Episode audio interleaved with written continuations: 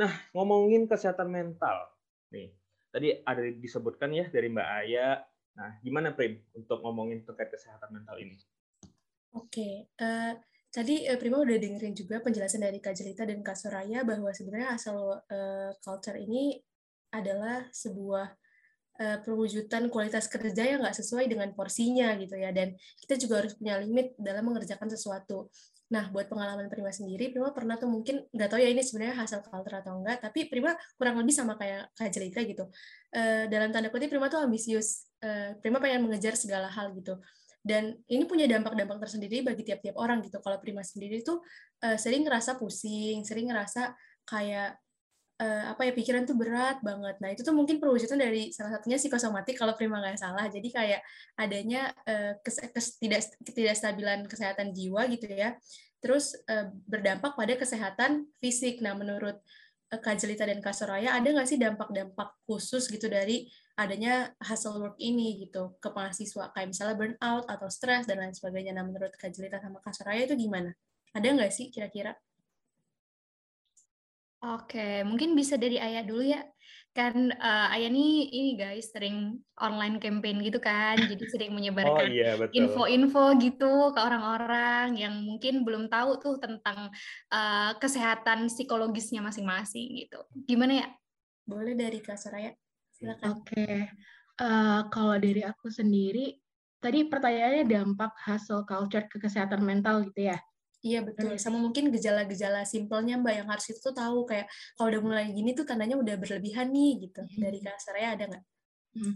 Ya, kalau menurut aku pribadi uh, pasti ada ya karena uh, namanya has, uh, hustle culture itu tadi kan uh, kayak orang tuh lari-larian nih untuk mencapai sesuatu, untuk tetap produktif tapi malah jadinya tuh uh, merugikan diri sendiri gitu loh. Tadi kayak uh, pokoknya kerja mindsetnya tuh kerja kerja kerja uh, harus melakukan sesuatu tapi lupa gitu. Kalau kita ini sebenarnya kita tuh manusia loh kita tuh bukan robot kita butuh istirahat nih.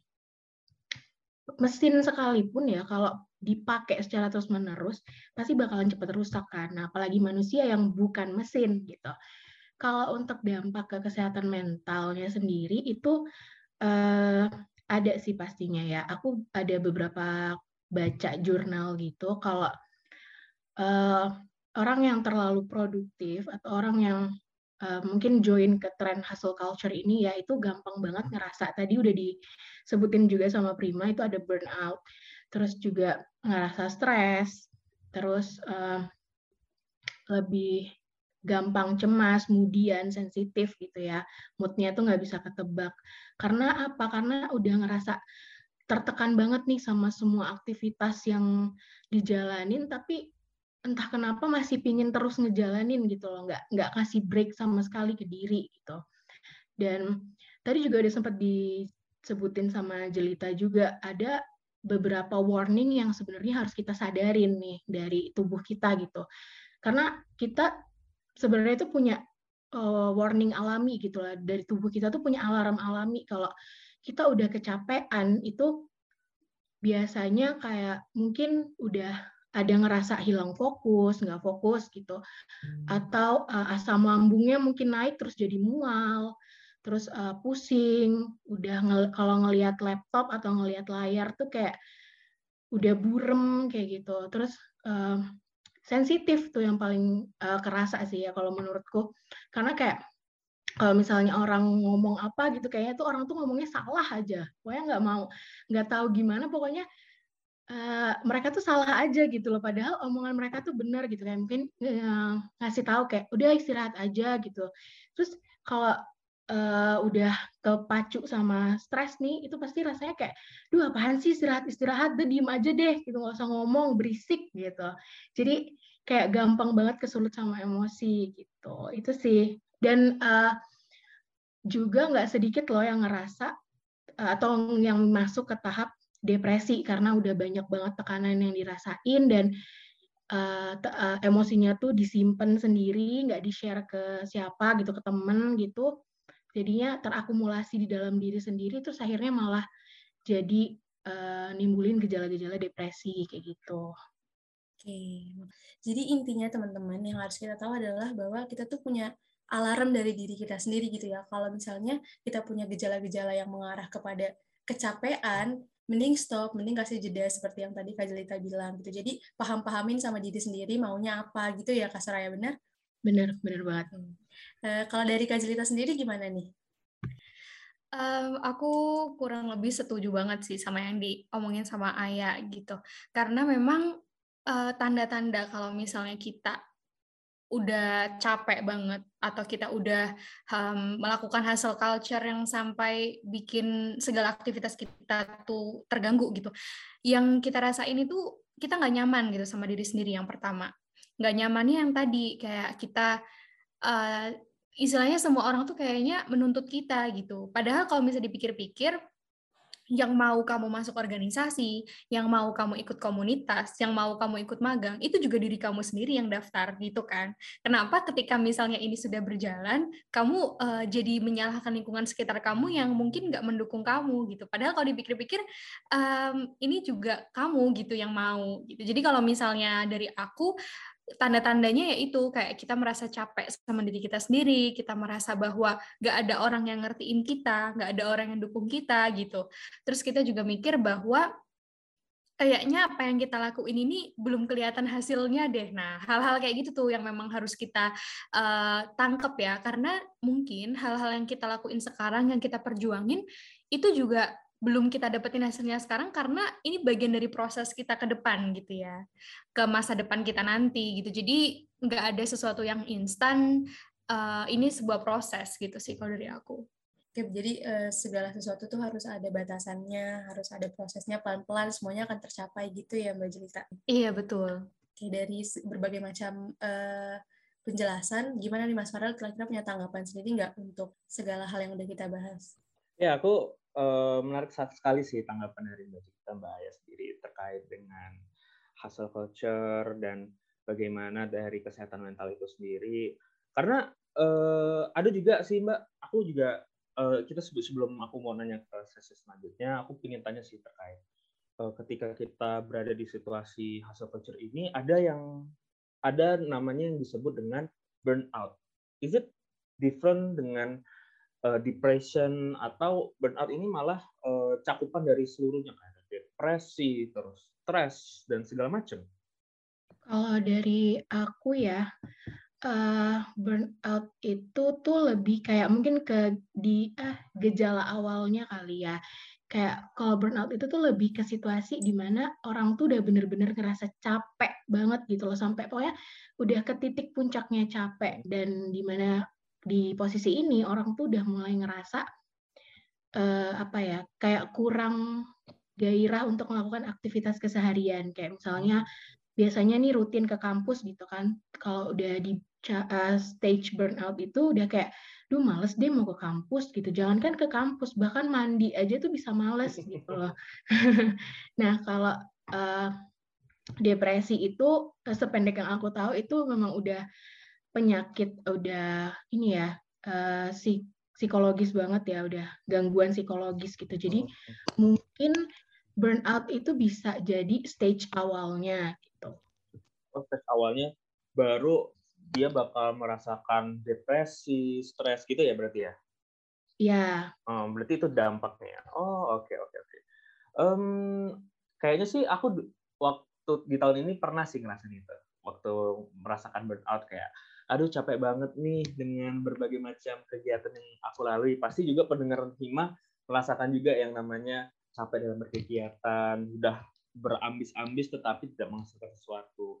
Dan menghasilkan yang namanya stres, terus depresi, bahkan jadinya eh, tidak percaya diri dikarenakan orang-orang di luar sana sudah mencapai, sudah menggapai berbagai macam prestasi, sedangkan aku masih di posisi ini. Nah, oleh karena itu, ada nggak sih Mbak untuk dari Mbak Jelita dan Mbak Aya tips untuk tidak termakan oleh uh, campaign orang-orang hasil culture yang berlebihan kan terus uh, bagaimana caranya biar kita bisa boleh berhasil culture tetapi ada balasannya gitu loh ada nggak sih tips Oke, okay.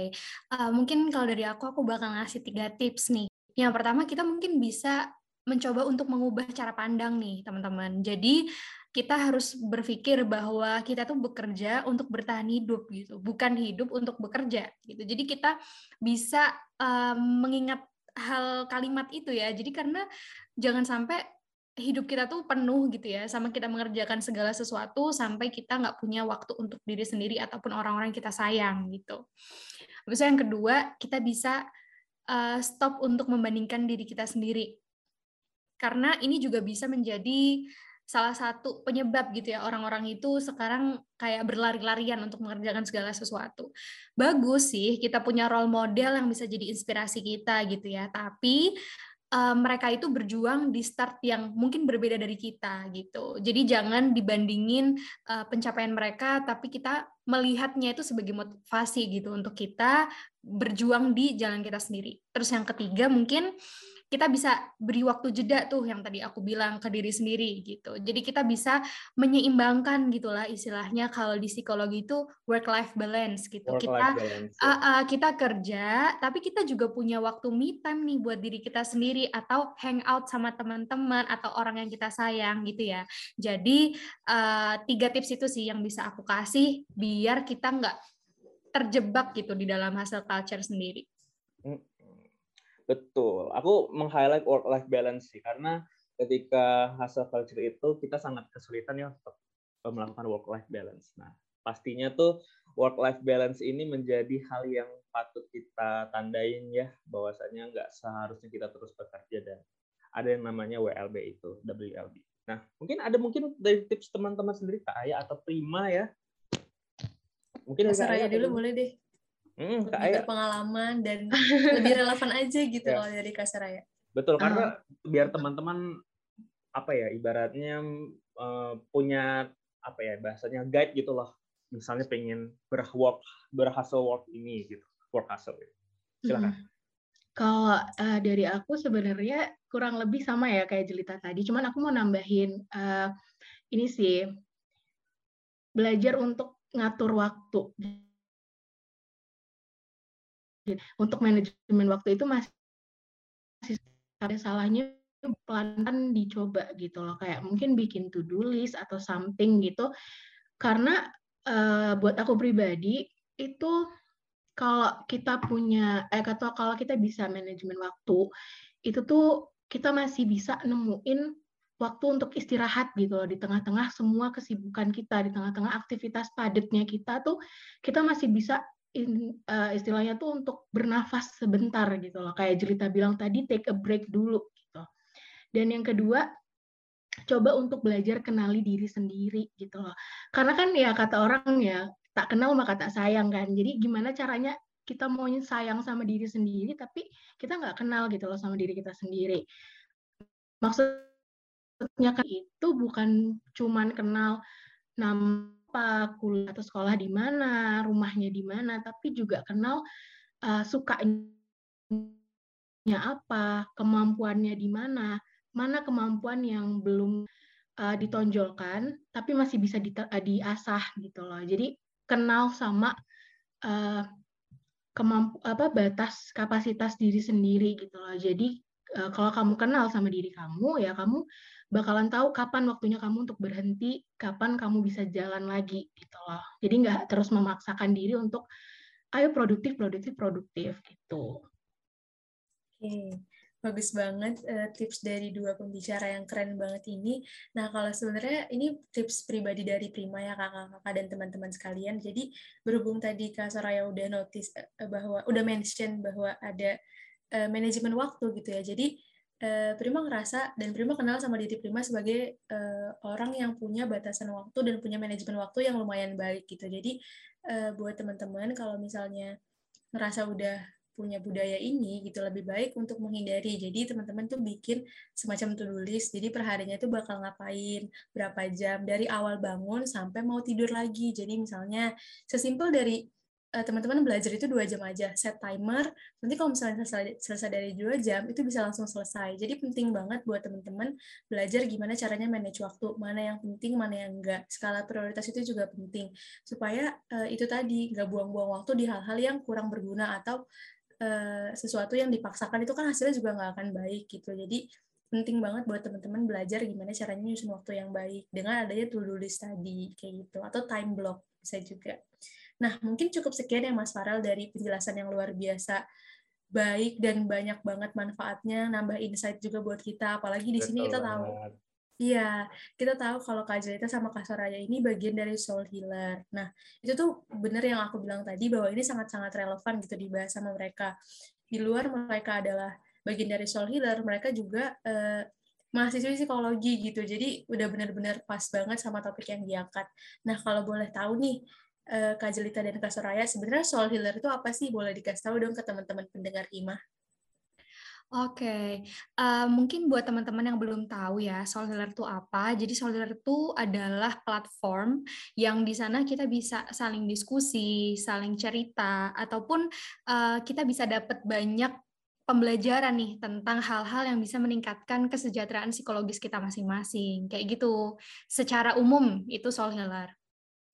Oke, Kak Jelita. Kalau dari Kak Soraya sendiri ada tambahan kira-kira tentang Soul Healer ini apa? Eh, Kak Soraya, mohon maaf. Uh, kalau dari aku uh, sama kayak Jelita, jadi soul healer tuh memang uh, apa wadah kita kita untuk kayak mengekspresikan lah ya, mengekspresikan diri, uh, entah itu uh, keterampilan ataupun emosi kita gitu di lingkungan yang alhamdulillahnya aman dan nyaman. Di mana kalau uh, di situ tuh kamu nggak bakalan ada kayak kadang kan kita tuh kalau cerita takut ya mau takut dijudge gitu takut uh, salah ngomong atau kayak gimana gitu. Tapi kalau di soul healer itu kamu bisa uh, menceritakan kisahmu kamu bisa menampilkan dirimu tuh ya kamu apa adanya gitu loh tanpa harus takut untuk dihakimin dan uh, di uh, ya apa ya kalau dibilang dikucilkan juga enggak ya pokoknya tanpa takut di, dihakimin kayak gitulah Oke, jadi istilahnya Solider ini platform buat teman-teman ngerasa aman dan nyaman gitu ya. Nah, eh, kalau boleh tahu ada layanan psikologi atau layanan konseling itu di mana ya Kak? Ada Instagramnya Kak atau ada platform lain gitu? Biar kasih tahu ke teman-teman nih. Biar yang penasaran langsung bisa langsung datengin aja ke platformnya iya. gitu. Promo okay. nih ceritanya. Jadi sebenarnya Sofilar ini punya dua dukungan nih buat teman-teman uh, punya kesejahteraan psikologis yang baik gitu biar nggak berdampak buruk nih sama kehidupan kita sehari-hari. Yang pertama itu kita punya peer counselor atau konselor sebaya. Jadi nanti teman-teman bakal di handle gitu ya sama orang yang mungkin nggak jauh beda gitu usianya dari teman-teman gitu. Jadi mungkin kan kita lebih nyaman untuk bercerita sama orang yang sebaya. Ada orang kayak gitu. Nah jadi kita punya peer counselor dan dan yang kedua, kita punya konseling profesional juga nih sama psikolog kita gitu. Jadi buat teman-teman yang uh, mungkin merasa butuh tempat buat cerita, butuh tempat buat diskusi tentang masalah yang ada di dirinya, uh, jangan ragu gitu untuk bisa approach uh, kita peer counselor ataupun konseling profesional ini di Instagram Soul Healer gitu ya. Ada di soulhealer.id. Nanti di sana jelas kok kalau mau mengakses dua layanan itu. Gitu Prima. Oke, wah bagus banget nih. Tadi Instagramnya apa? Kak boleh diulang sekali lagi? soulhealer.id ya teman-teman. Okay. At soulhealer.id. Wah keren hmm. banget. Ayo teman-teman langsung dicus aja. Iya betul banget.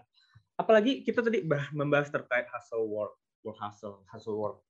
Nah tentunya um, mungkin teman-teman di sini uh, tentunya nggak semuanya orangnya yang ekspresif, nggak semuanya orang yang uh, ekstrovert atau orang-orang yang bisa bercerita terkait pengalaman ini, hasil working ini kepada teman-teman dekatnya. Nah, mungkin teman-teman apabila merasakan hal-hal seperti ini yang kita bahas tadi, bisa banget nih teman-teman uh, mencoba untuk men mencoba layanan dari Soul Healer agar teman-teman bisa terjawab keresahan, kegundahan yang uh, teman-teman miliki ya karena tentunya uh, layanan-layanan seperti ini apa apalagi kita teman teman-teman kita semua ini lantaran mahasiswa UI ya. Uh, uh, susah banget nih mencari hal uh, peer counseling ataupun counseling-counseling ada di uh, lingkungan sekitar.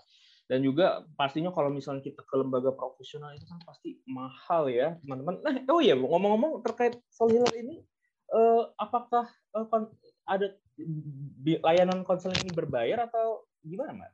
Iya boleh tahu nggak sih kak uh -uh. mekanismenya itu gimana sih iya, biar teman-teman lebih jelas aja gitu? Iya biar teman-teman bisa ikut atau mencoba layanan ini.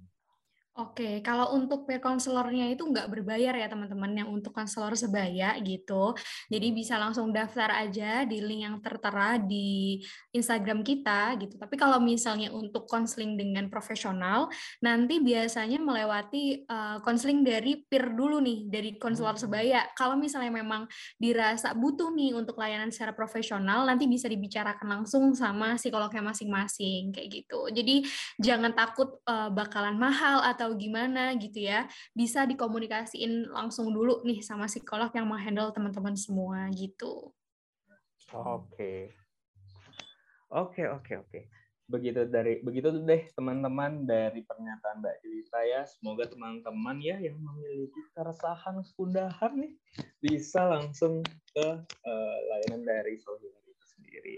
Oke, dari pembahasan yang telah kita godok sama-sama dan saling bertukar pendapat ini sangat berdaging banget ya dan juga aku sangat berterima kasih kepada Mbak Jelita, Mbak Aya dan partner host saya Mbak Prima ya yang telah uh, melakukan yang effort yang sangat luar biasa di podcast kali ini.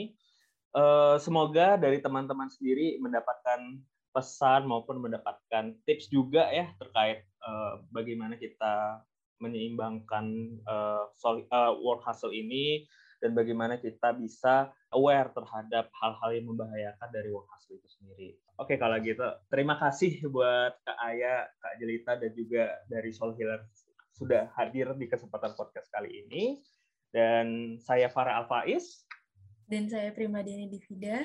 Sampai jumpa di episode podcast berikutnya. Bye-bye. Bye. Terima kasih Kak Soraya dan Kak Jelita.